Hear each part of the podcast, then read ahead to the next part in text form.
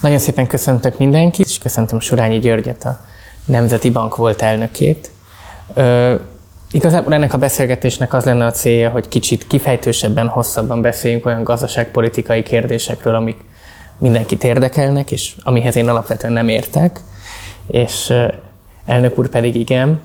És szerintem jó lenne azzal kezdeni, ami talán a legakuttabb most, és ami az embereket leginkább érinti, az az, hogy ugye egy gazdasági válság közepén vagyunk jelenleg. És nagyon sok szó van arról, hogy mit lehet egy ilyen gazdasági válságban tennie, eltérő dolgot tesznek különböző európai országok, mint például az Egyesült Államok, hogy talán az első kérdés, amiről beszélni kéne, hogy mit, mit kéne ilyenkor tenni, vagy mit tenne ilyenkor Surányi György? Köszönöm szépen a lehetőséget először is. Valóban elég sokféle lehetőség kínálkozik és az is igaz, hogy ahány ország annyiféle gyakorlat, azt majd a gazdaságtörténet utólag dönti el, hogy melyik volt a legsikeresebb, vagy fogalmazunk inkább úgy, hogy melyik volt képes a leginkább mérsékelni ennek a válságnak a nagyon súlyos emberi, gazdasági és hát sajnos egészségügyi következményeit. Én most értelemszerűen a gazdasági részével foglalkoznék. A válságnak a mélysége az kiugróan nagy, ö, nagyobb és magasabb, mint a 2008-9-es, ami a 29-es gazdasági válságot követően a legmélyebb válság volt. Ehhez képest fontos, hogy a közgazdaságtudomány is fejlődik azért, és a gazdaságpolitika, ha nem is tudomány, de a gazdaságpolitika eszköz és célrendszere is lényegesen pragmatikusabban nyújt hozzá minden ország ahhoz, ahhoz a válsághoz, ami kialakult olyan fiskális és olyan monetáris politikai eszközöket alkalmaznak, ami valószínűleg érdemben képes mérsékelni a válság terheit. Nem akarok hosszasan beszélni, Magyarországra térnék. Itt abból indult ki először a kormány, hogy a költségvetési fegyelmet minden áron meg kell tartani. Én híve vagyok a költségvetési fegyelemnek, válság előtt, válság alatt és válságon kívül is Ugyanakkor az előzetes feltételezése a kormánynak az egy rendkívül ortodox megközelítés volt, amit az élet egyébként nagyon hamar keresztül is írt. Ennek következtében kénytelen volt a kormány olyan eszközöket alkalmazni, ami az államháztatási hiány növekedésén keresztül próbálta enyhíteni a válság terheit. Ha ennek az enyhítésnek a hatékonyságát tekintjük, akkor azt kell mondani, ez nem volt hatékony. A költségvetés, az államháztartás egyensúlya az előzetes elképzelésekhez képest a GDP közel 8%-ával romlik. Ez forintra lefordítva azt jelenti, hogy nagyjából 4000 milliárd forinttal romlik a költségvetés egyenlege. 4000 milliárd forintot, hogyha a költségvetés hatékonyan, jól irányzottan, célzottan költ el, akkor ebből nem tudott volna kialakulni egy 6% körüli GDP visszaesés. Amit az egészségügyi válság enyhítésére fordított a kormány, azt nagyjából a költségvetésen belüli átcsoportosításokkal, hogy közérthető legyen, megszorításokkal finanszírozott a kormány, tartalékokat, különböző helyekről történt elvonásokat, adóemeléseket foganatosított. Ebben a legsúlyosabban az első szakaszban is, és ma is az önkormányzatokat terhelte. Ez önmagában is ellentmondás, mert amikor a kormány azt mondja, hogy válságban nem lehet megszorítani, akkor van egy kitüntetett pont az önkormányzatok, benne az ellenzéki önkormányzatokkal kitüntetetten, amelyeket mégis meg lehet szorítani. Ez logikailag sem fér össze, gyakorlatban meg pláne nem, mert az önkormányzatoknak is megnövekedtek a feladatai a válságokán, miközben a jövedelmei organikusan is csökkentek, nem beszélve az elvonásokról. Nos, az egészségügyre fordított költségeket, tehát a költségvetésen belüli átcsoportosításokkal finanszírozták, beleértve azt a bődületes 300 milliárd forintot is, ami teljesen fölöslegesen és excesszíven a lélegeztető berendezések vásárlására fordítódott.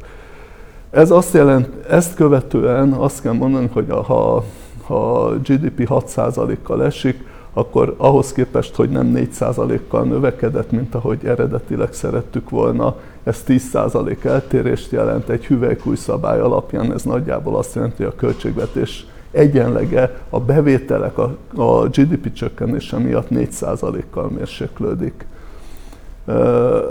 Ehhez képest nem 5% lesz a költségvetés hiánya, hanem 8, 8,5-9, ezt ma még pontosan nem tudjuk, ami azt jelenti, hogy 4%-kal nagyon nehéz elszámolni a kormánynak, mert ha ezt a 4%-ot jó célokra, a keresletélénkítésre, a foglalkoztatás bővítésre, valóságos beruházás növekedésre fordítódik, akkor nem tudott volna ö, ilyen mértékben se a költségvetés romlani, se a, és vagy a GDP visszaesni. Most mi az oka annak, hogy ez, ez így van? Az egyik az egy nagyon súlyos félreértés és a magyar társadalom, a magyar emberek lenézésének az eredménye. Ugye azt mondja a kormány lépten nyomon, hogy azért nem támogatja a jövedelmek átutalását az emberek zsebébe, azoknak a zsebébe, akik elveszítették a munkájukat, vagy az üzletüket, a vállalkozásukat, mert hogy akkor ezek az emberek nem fognak dolgozni, nem akarnak dolgozni, nem fogják törni magukat a munka lehetőségéért. Én azt gondolom, hogy ez olyan mélységes lenézése az embereknek, olyan mélységes megvetése a magyar társadalomnak, ami azt üzeni, hogy ti magyarok lusta disznok vagytok, ha nem korbáccsal kényszerítenek arra, hogy dolgozzatok, akkor ti nem fogtok dolgozni. Na most ez még békeidőben sem igaz, békeidőben sem így van. Nyilván van minden társadalomban fél százalék, egy százalék olyan, aki nem a munkából él, vagy munkáért él hal, de ezt nem lehet általánosan mondani. Egy válságban azonban, ahol ráadásul adminisztratív intézkedések okán is megszűnnek állások tömegesen, nem lehet azt mondani, hogy azért nem dolgozik valaki, mert nincs kedve, nem akar, lusta, munkakerülő, léha, stb. Tehát azt gondolom, hogy ez, ez olyan megvetése és olyan félreértése az emberi pszichének, ami nem elfogadható. A másik része a dolognak, hogy ugye azt mondja a kormány, hogy megvédett minden munkahelyet. Most ez még formailag sem igaz, mert kb. 80 ezerrel több álláskereső van, mint egy évvel ezelőtt. Tartalmilag pedig azért nem igaz, mert ha megnézzük például decemberben a teljesített munkaórák számát, akkor ugyan csak 14 ezerrel kevesebb formailag a foglalkoztatottak száma, tartalmilag azonban 16%-kal kevesebb órát dolgoztak az emberek, ami azt jelenti, hogy vagy 16%-a csak proform, papíronban, állásban, vagy legalább 30% csak fele annyit dolgozik, mint egy évvel ezelőtt. Következésképpen egyáltalán nem az a munkapiaci helyzet, mint amiről a kormánypropaganda szól. Komoly feszültség és baj van ezen a területen is. Ez történik azért is, mert azoknak a zsebében nem adott a kormány pénzt, akiknek kellett volna, akik tényleg szükséghelyzetbe kerültek, ezért ők nem tudnak keresletet teremteni, ezért ők nem tudják másnak a foglalkoztatását javítani.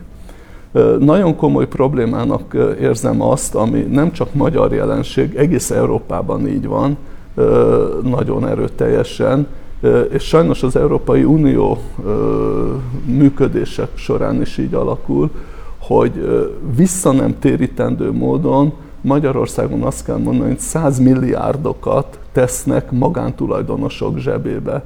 Na most én azt gondolom, hogy a piacgazdaság, a magántulajdonon alapuló piacgazdaság, ráadásul aminek versenyen kell alapulnia, az nem elképzelhető olyan alapon, hogy magánvállalkozások zsebébe vissza nem térítendő állami támogatásokat adjanak. A mi esetünkben is több száz milliárd forint ment magánzsebekbe, vállalkozások zsebébe, ami még azokban az esetekben is kérdéses, amikor olyan helyekre ment, amelyeket a pandémia miatt be kellett zárni különösen nem elfogadható azokban az esetekben, amikor úgymond beruházások élénkítése érdekében adták oda ezt a pénzt. Miért? Azért, mert a, legalább két oka van. Az egyik legfontosabb az egy hatékonysági érv. Abban az esetben, ha egy beruházást csak azért csinálnak meg, mert hozzá ingyen pénzt kapnak, akkor ez azt jelenti, hogy az erőforrásokat pazaroljuk. Rossz irányban, hatékonytalanul használjuk föl, mert hogy akkor a megtérülési követelmény jóval alacsonyabb. Ha nem alacsonyabb a megtérülési követelmény, akkor pedig egész egyszerűen a magánvállalkozó, a magánbefektető zsebre teszi azt a pénzt az adófizető pénzéből, a kettőnek lehet még valamiféle kombinációja. A másik probléma pedig az, hogy ha magánzsebekbe tesszük a pénzt vissza nem térítendő módon, akkor ez azt jelenti, hogy én piacgazdaság hívő vagyok, versenyhívő vagyok, kapitalizmus hívő vagyok, és híve vagyok annak, hogy aki kockáztat, az annak megfelelően megfelelő prémiumban, jutalomban, profitban részesüljön. Ennek következtében, amikor normálisan megy a gazdaság, és az egyes vállalkozók a versenyben képesek 10-15-20%-os profitrátával dolgozni, akkor azt kell mondani, azt kell mondanom, hogy minél több ilyen legyen, annál jobb lesz az országnak. De hogy el lehessen fogadni azt, hogy 15-20%-os profitráták is létezzenek tartósan, ahhoz el kell fogadni azt is, hogy ez azért van, mert kockáztatott az, aki ezen, erre a területre belépett. Tehát a kockázatnak nem csak upside nem csak felső része van, hanem downside vesztesége is van. És a, azt nem lehet mondani, hogy ha süt a nap, jó az idő, minden jól megy, akkor gazdagodjunk, és hogyha beborul az ég, akkor az állam fizesse meg, térítse meg a veszteségeket. Ez tulajdonképpen a szocializmus maga, mert azt mondom, hogy amíg minden jól megy, addig profit van, amikor meg nem megy jól, akkor meg az adófizetők teljes közössége térítse meg a veszteségét a vállalkozónak. Úgy gondolom, hogy ilyen esetben a vállalkozó ezt igenis nyelje le, ha nem, akkor húzza le a redőnyt, és onnantól kezdve, amíg el tud helyezkedni egy ilyen válságban, ő is kaphasson valamilyen állami támogatást. Tehát akkor, ha jól értem, itt a megoldás valami olyasmi lenne, hogy olyan célzott módon kéne pénzt juttatni azoknak az embereknek, akik önhibájukon kívül a gazdasági válság miatt munkájukat vagy jövedelmüket vesztették, mint például Ausztriában, amit mi sokszor mondunk, ez a bértámogatási rendszer, tehát hogy átvállalja valamennyit a kieső, kieső béreknek a kormány, vagy maga az álláskeresési járadéknak az idejének a meghosszabbítása, amíg jár. Ugye voltak ezzel ellentétes ellenzéki javaslatok, amik sokkal inkább alanyi, vagy egyéb módon akartak pénzt juttatni, de ennek, ha jól értem, az a logikája, hogy ha pénzt kapnak ezek az emberek, értem szerint jobb, hogy ők maguk meg tudnak élni, tehát ez is egy objektíven jó dolog, de hogy utána tudnak költeni, amivel valamennyire fönnmarad a kereslet. Hogy a, a, azt, azt is értem, hogy a vállalkozásoknál értem szerint valakiket kell támogatni, gondolom leginkább azokat, akik kisebb vállalkozások, viszont kevesebb tartalék szokott lenni, meg kevesebb lehetőség arra, hogy egy ilyen válságot kigazdálkodjanak, de azért van-e arra lehetősége az államnak? Arra biztosan van, hogy a jelenleginél jobban, de hogy mondjuk a teljes vendéglátóipart vagy szállodaipart valamilyen módon megmentse ilyenkor. Illetve, hogyha föl kell készülni arra a strukturális problémára, hogyha vége van ennek az egésznek, ami reméljük nagyon a lehető leghamarabb lesz, akkor is azért még valószínűleg évek, míg az a fajta tömegturizmus, ami például Budapesten nagyon sok embernek a megélhetését jelenti, az visszaáll. Tehát amikor ilyen strukturálisabb változások vannak, hosszabb távú azt, hogy hogy lehet kezelni? Ez, ez a legfontosabb része szerintem ennek a válságnak, illetve a legfontosabb tanulsága. Kezdettől fogva azon az állásponton vagyok, hogy a bértámogatás egy elhibázott gyakorlat. A németek kezdték, de ettől még rossz ugyanis egy olyan gazdaság szerkezeti megmerevedést támogat, ami nem lehet senkinek az érdeke. A válság előtt, közben, jelenleg senki nem tudja, hogy a gazdaság szerkezete milyen mértékben, milyen mélységben fog változni. A bértámogatás az lényegében a megmerevedett struktúrának a támogatását jelenti. Én ezért nem vagyok híve a, a Kurzarbeitnek és a bértámogatásnak, Ha valahol le kell húzni a rolót, vagy el kell küldeni embereket, ez nagyon fájdalmas, de meg kell tenni, viszont ezeket az embereket olyan helyzetbe kell hozni, hogy egyrészt tudjanak enni és enni adni a gyerekeiknek, másrészt pedig ki tudják fizetni a rezsijüket, másrészt pedig, hogy legyen lehetőségük arra, hogy emellett új elfoglaltságot, új lehetőséget keressenek. Ezért tehát nagyon rendkívül módon tévesnek tartom ezt a megközelítést. Ebben, az, ebben a helyzetben van azonban egy olyan gyakorlat, amit most fog elkezdeni sajnos csak a kormány, egy évvel ezelőtt javasoltam, vagy a válság kezdetén, hogy tudnék azoknak a vállalkozásoknak, akiknek pillanatnyi likviditási problémájuk van, pillanatnyi nehézségeik vannak, de bíznak abban, hogy a válság lecsengése után folytatni fogják tudni a tevékenységüket, ezeknek adjunk államilag támogatott, államilag garantált hiteleket, kedvezményes feltételekkel, azzal, hogyha véletlenül nem tudja visszafizetni, akkor természetesen a hitel tulajdonosa a jelzálog jogát érvényesíti, és olyan mértékben tulajdonossá válik az adott vállalkozásban. Tehát itt is az a vezérmotívum számomra, hogy a vállalkozásnak, a magánvállalkozásnak teljesen vissza nem térítendő adófizetői pénzt, ha lehet, soha nem szabad adni. Lehet, hogy vannak egészen kivételes helyzetek, mondjuk olyan kutatásfejlesztés, innováció, épp a pandémia kapcsán például a, a vakcina kutatás, ahova esetleg lehet, de ez nagyon speciális, inkább a kivételek közé tartozik. Általános szabályként ingyen pénzt nem, és ingyen pénzt a munkahely megtartására sem tartok szerencsésnek. Sokkal inkább, egyébként az Egyesült Államok ezt a gyakorlatot folytatta, az Egyesült Államokban ugyanis az első szakaszban egészen drámaian megugrott a munkanélküliség, 3,5 százalékról 16 százalékra növekedett a munkanélküliség. Ezzel szemben nagyon nagy vonalú munkanélküli támogatást adtak, plusz heti 600 dolláros csekket azoknak, akik elveszítették a munkát. Ez még egyébként szerintem túl sok is volt. Tavaly az Egyesült Államokban 6%-kal nőtt a reálkereseteknek a szintje, ami egy válságban teljesen abszurd amúgy. De mindegy, de ennek az lett a következménye, hogy két hónap alatt fölment az egekbe a munkanélküliség, de ö, idén év elejére a 16-ról 6,3%-ra esett vissza. Tehát nem a meglévő állások megtartására koncentráltak, hanem arra, hogy az emberek új lehetőségek után kutassanak és találjanak ilyet. Értem. A, Ugye vannak olyan, tehát hogy vannak olyanok, akiknek jelenleg megvan az állásuk, ennek ellenére én szerintem nem kapnak elegendő pénzt. Én nagyon sokat beszélek, meg foglalkozok az egész köz, közféra helyzetével. Én azt értem, hogy az, hogy, hogy az sokszor főleg egy, tehát főleg az, az ortodox közgazdaságtanban az egy probléma, hogyha az állam túl sokat költ magára, és ugye a közféra finanszírozása az az államnak az önfinanszírozása ilyen szempontból. De öm, nagyon sokan vannak részben, akik a közférában dolgoznak. Részben azért szerintem azt a logikát is végig lehet gondolni, hogy az ő munkájuk a felt, az alapfeltétele annak, hogy a piacon utána mások el tudnak helyezkedni. Hogy ugye most volt egy orvos bér, béremelés, egy elég nagy arányú, valami ilyen módon a szakdolgozóknak is lesz egy 20% körüli béremelése, és én nagyon sokat beszélek arról, hogy a szociális szektorban pedig garantált minimum van körülbelül 2010 óta.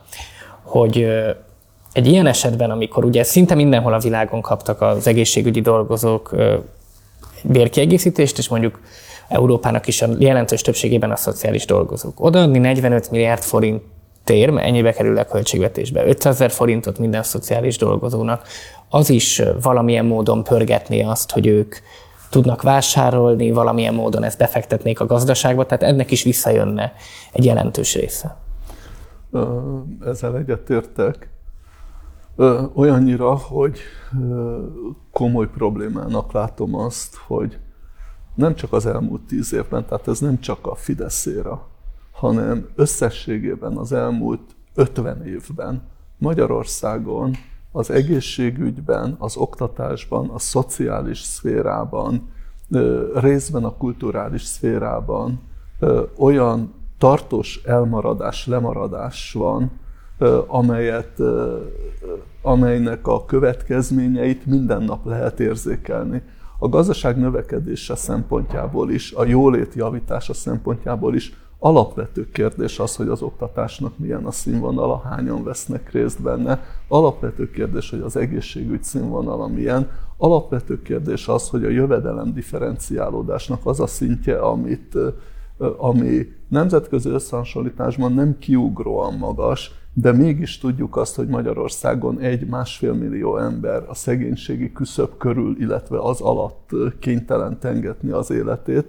Ezek összességében szociálisan is, erkölcsileg is és gazdaságilag is óriási terhet jelentenek. Most azt gondolnám, hogy pláne a, a jobb években, de még ilyen válság idején is volna lehetőség arra, hogy ezeket a diszparitásokat mérsékelni lehessen. Erre jó példa az orvosi béremelés, noha úgy tűnik, hogy nincs teljesen végig gondolva, egy csomó belső ellentmondása van, de az irányát tekintve rendben van. A többi egészségügyi dolgozónak a bérét még tovább kellene emelni. Ugyanezt gondolom a pedagógusokról, ugyanezt gondolom a szociális szférában dolgozók, arcspirituálan alacsony a minimálbér vagy a szakmunkás minimálbért közelítő tömegeinek a, a bérezéséről, de ezt gondolom arról is, hogy tíz éve nem emelkedett a minimálnyugdíj, tíz éve nem emelkedett, sőt, akkor le is csökkentették a szociális segélyt erre a tűrhetetlen 23.500 forintos szintre. De hát ehhez nyilvánvalóan hozzá kellene nyúlni az adórendszerhez, mert azt meg szociális demagógiának gondolom, amikor felelőtlenül, akármilyen melyik politikai oldalról azzal állnak elő, hogy csak akarni kell, és az akarat mentén korlátlanul lehet pénzt osztani. Ez sajnos nem így van. Ha így lenne, akkor a világon nem élne 3 milliárd ember a létminimum vagy a létminimum alatt, mert akkor ezt egy tolvonással meg lehetne oldani, de ez nem így van. Ebből az következik, hogy a költségvetésen belül kellene megtalálni a lehetőségét annak, hogy ezeket az égető problémákat, ha nem is azonnal, de egy 5-6 éves horizonton érzékelhetően csökkenteni lehessen, és meg vagyok róla győződve, hogy ezt meg lehet csinálni. Egyrészt van a költségvetésben mindenki által ismert sor olyan tétel, ami ablakon kidobott pénz, pontosabban nem ablakon kidobott pénz, hanem közép-hosszú távon nem, hogy nem növeli a magyar gazdaság teljesítményét, hanem csökkenti. Ebben a legeklatánsabb példára csak kettő, két rövidet mondanék. Az egyik a, a, azoknak a sportlétesítményeknek a ö, finanszírozása, amelyek ö, képtelenek arra, hogy az operációs bevételeikből, a folyó bevételeikből a jövőben fenntartsák magukat, tehát ezek vinni fogják a GDP-t. A másik, és, és itt nem szabad összekeverni a tömegsportot ezekkel a létesítményekkel, azzal semmi problémám nincs, ha minden faluban építenek egy uszodát, és ha minden faluban építenek egy sportpályát, amin a, a fiatalok, öregek, középkorúak sportolnak. Ez totál függetlenül az atlétikai stadion 200 milliárdjától, ami, ablakon, ami rövid távon a GDP-t növeli, hosszú távon óriási veszteséget jelent az országnak. A másik a korrupció. A korrupcióban annyi 10 és 100 milliárd megy el, ami megint rövid távon, ha túlárazok valamit, akkor úgy tűnik, hogy a GDP nőtt, a termelés nőtt, foglalkoztatás bővült, stb. stb. adóbevételek is még bővülnek, de ez azt jelenti, hogy hatékony, rossz szerkezetben, rossz irányban fektettünk be. Ezek 100 milliárdos tételek, nem beszélve a kormánypropaganda, meg az MTVA, meg a TAO finanszírozás, szóval ezeket mindenki tudja. De hozzá kell nyúlni az adóhoz is. Az egy nem természetes dolog. A világon soha nem voltam híve az egy kulcsos adónak, nem csak azért, mert egy primitív rendszer, nem arról van szó, hogy egyszerű és bonyolult, ez egy primitív rendszer, egy primitív társadalom felfogásnak a következménye, vagy a leképeződése, hanem azért, mert az világos, hogy a jövedelmek emelkedésével a disponibilis rész, tehát a szabadon elkölthető rész emelkedik, exponenciálisan emelkedik, és ennek egy kulturált, tehát nem excesszív mérséklése az minden társadalomnak érdeke, mert a jövedelem különbségeket csak akkor lehet mérsékelni, akkor lehet homogenizálni egy társadalmat, hogyha az alullévők valamilyen preferenciában részesülnek. Függetlenül attól, hogy ő tehet róla, nem tehet róla, a, a társam többségének alapérdeke az, hogy ne éljenek nyomorban családok, gyerekek, emberek. Tehát ezért ebbe bele kell nyúlni. Másrészt pedig, hogyha megint csak visszatérve, ha a, a piacgazdaság hívei vagyunk, hogyha a verseny hívei vagyunk, ha a jövedelem differenciálódásnak a, a húzó erejében bízunk, akkor azt is tudomásul kell venni, hogy bizonyos kompressziója, bizonyos mérséklése az fontos, mert ha ez nem történik meg, akkor a jövedelmi és vagyoni különbségek is akkorává válnak, ami önmagában akadálya lesz a gazdasági növekedésnek is. Tehát nem csak erkölcsi okokból, nem csak értékválasztásokán, hanem pragmatikusan a gazdaság működése szempontjából is, ha túl nagyok a jövedelem és vagyoni különbségek, az a növekedés fékező erejévé válik. Illetve olyan kiegészítő gazdasági eszközöket kell bevetni, mint Amerikától Európáig és Magyarországig, amit úgy hívnak, hogy mennyiségi lazítás, amit úgy hívnak, hogy, hogy nem konvencionális gazdaságpolitika, ami átmenetileg szükséges és jó, én magam régóta képviselem, de ha csak ezzel lehet ö, ö, fenntartani egy gazdaságot, az előbb-utóbb hatalmas bukáshoz vezet. Úgyhogy hozzá kell nyúlni az adókhoz is, és az adókon keresztül a személyjövedelem adórendszerbe való belenyúlással, a vállalkozási adó belenyúlással kell csinálni valamit. Ebből a szempontból meg kell mondanom, hogy van egy döntése a, a kormánynak, amivel én mélységesen szimpatizálok, ez a 27%-os áfa. Amivel nem szimpatizálok ebben, az az, amikor kivételeket tesz a 27% alól. Ugyanis ö, nagyon világos, hogy ahogy az ellenzék helyesen kritizálta a rezsicsökkentést, nem csak a zöld hatása miatt, hanem azért is, mert minél magasabb valakinek az energiafelhasználása, annál nagyobb szubvenciót adott. Ugyanez igaz az áfa csökkentésre is. Minél nagyobb valakinek a költése, annál nagyobb támogatást kap, hogyha az áfát lecsökkentjük.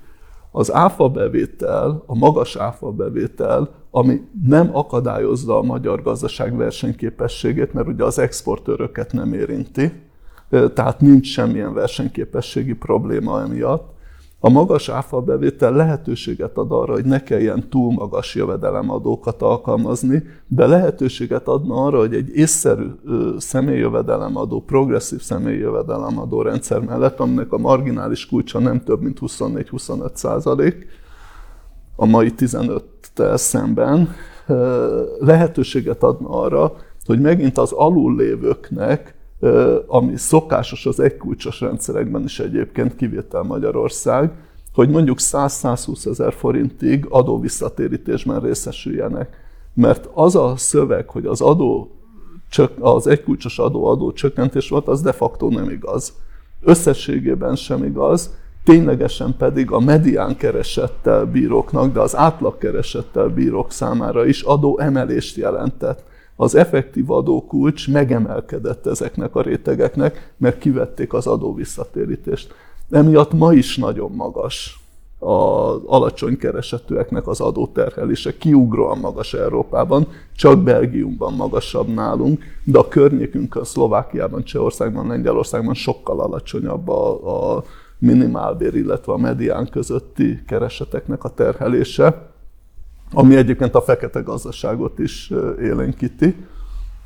Úgyhogy tulajdonképpen meg lehetne találni az adórendszeren belül annak a lehetőséget, hogy ezeknek a rétegeknek itt másfél-két millió emberről beszélünk, 10-15 százalékkal emelkedjen a nettó keresete, annélkül, hogy ez terhet róna az üzleti szektorra, anélkül, hogy, hogy a magasabb jövedelműeket pedig kvázi visszafogná a teljesítmény, teljesítményük kifejtésében.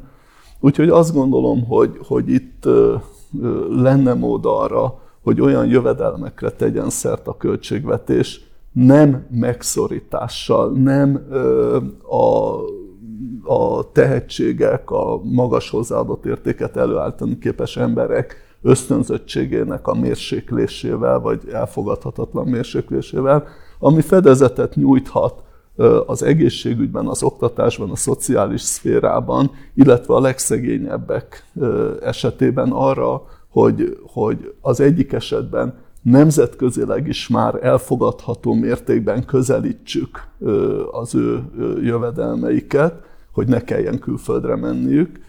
A másik résznél pedig, hogy egy a saját büszkeségünket is, önértékelésünket is elérő szintre lehessen ezeknek az embereknek a, a bérét, jövedelmét, napi megélhetését emelni. Nagyon köszönöm, az adóról akartam kérdezni, az adókulcsokról, mert nekem volt egy vitám egy kormánypárti fiatalemberrel a Mandineren, és ezt akartam kérdezni, de nagyon jó, mert új érvekkel lettem felvértezve ebben a vitában. És egy utolsó kérdésem lenne, ez most már Fekete Győr András a Momentum elnöket többször elmondta nyilvánosan, hogy jelenleg folyik a ellenzéknek ugye a közös programalkotása, és itt van egy elég érdekes vita az euróról, az euró bevezetésről.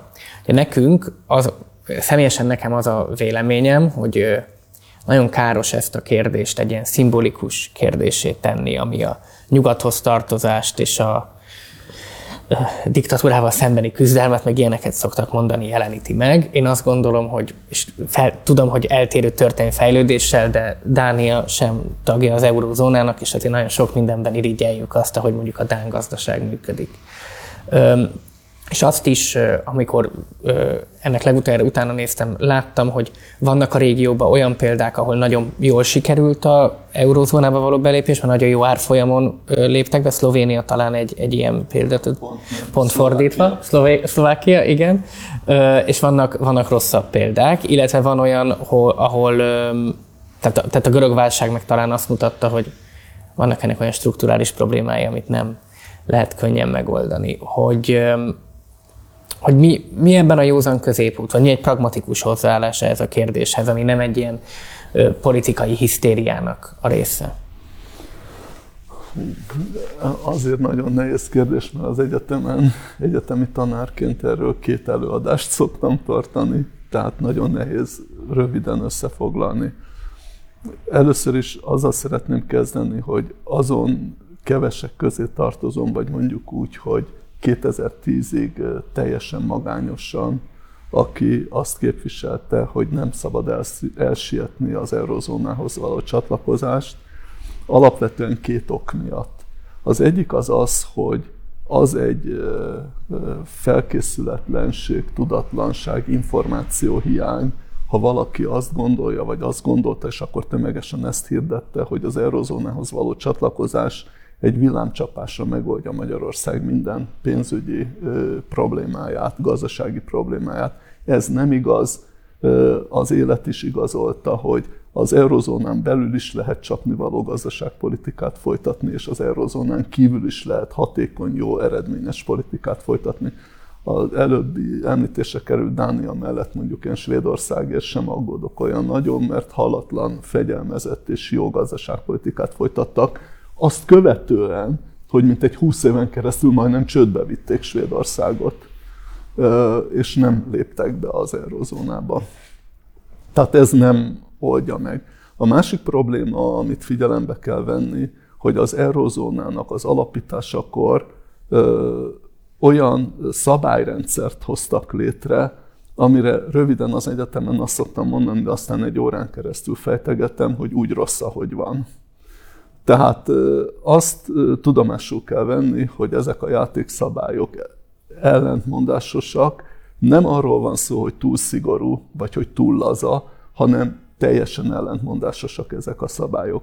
Ebben némi változás, pozitív változás bekövetkezett a, a 2009-10-es válság után, különösen 2012-13 után, de nagyon messze vagyunk attól, hogy ezeket az ellentmondásokat feloldanák. Aminek van objektív oka is, tudnélik az, amivel mindenki tisztában van, hogy a monetáris unió az nem jó a hasonlat, de egy félkarú óriás, tehát a monetáris unió fiskális és politikai unió nélkül nem tudja azokat az eredményeket hozni, amelyeket szeretnénk. Ugyanakkor számtalan előnye van. Én nagyon nagy híve vagyok az eurónak, nagyon nagy híve vagyok az európai integrációnak, híve lennék a fiskális uniónak, és végső soron a politikai uniónak is.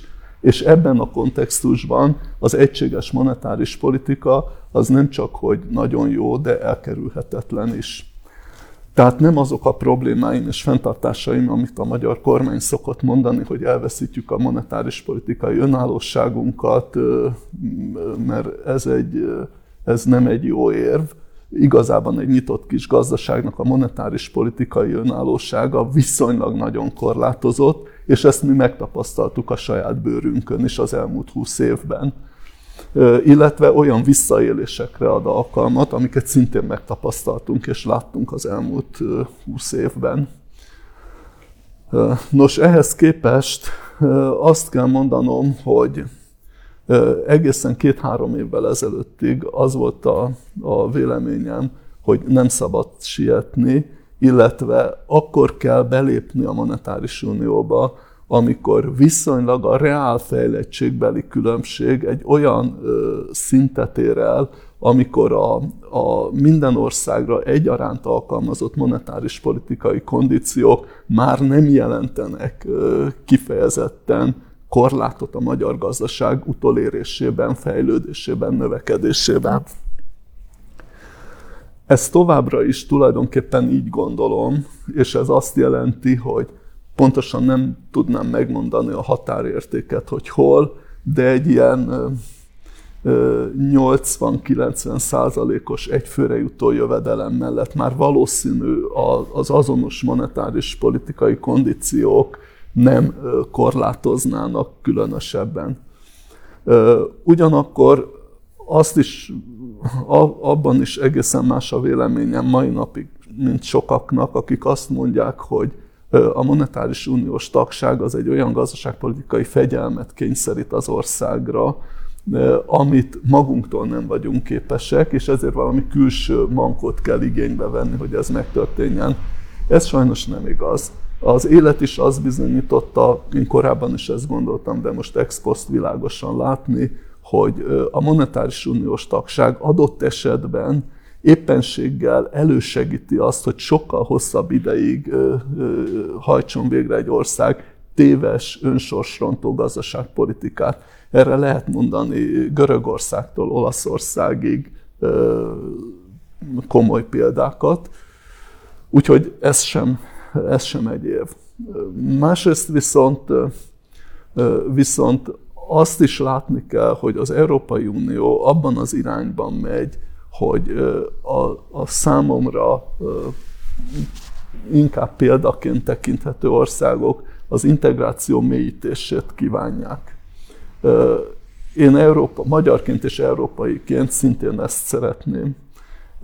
Ebbe beletartozik az is, hogy a monetáris unióban is egyre szorosabbra fonják a, a kapcsolatokat, és az az érzésem, hogy aki kimarad a monetáris unióból, annak elég jó esélye van arra, hogy az Európai Unió integrációjának a belső köréből is kimaradjon. Ez nem feltétlenül igaz Dániára vagy Svédországra, történelmi, kulturális egyéb okok miatt, de az újonnan csatlakozók esetében az, attól tartok, hogy ez egy reális félelem.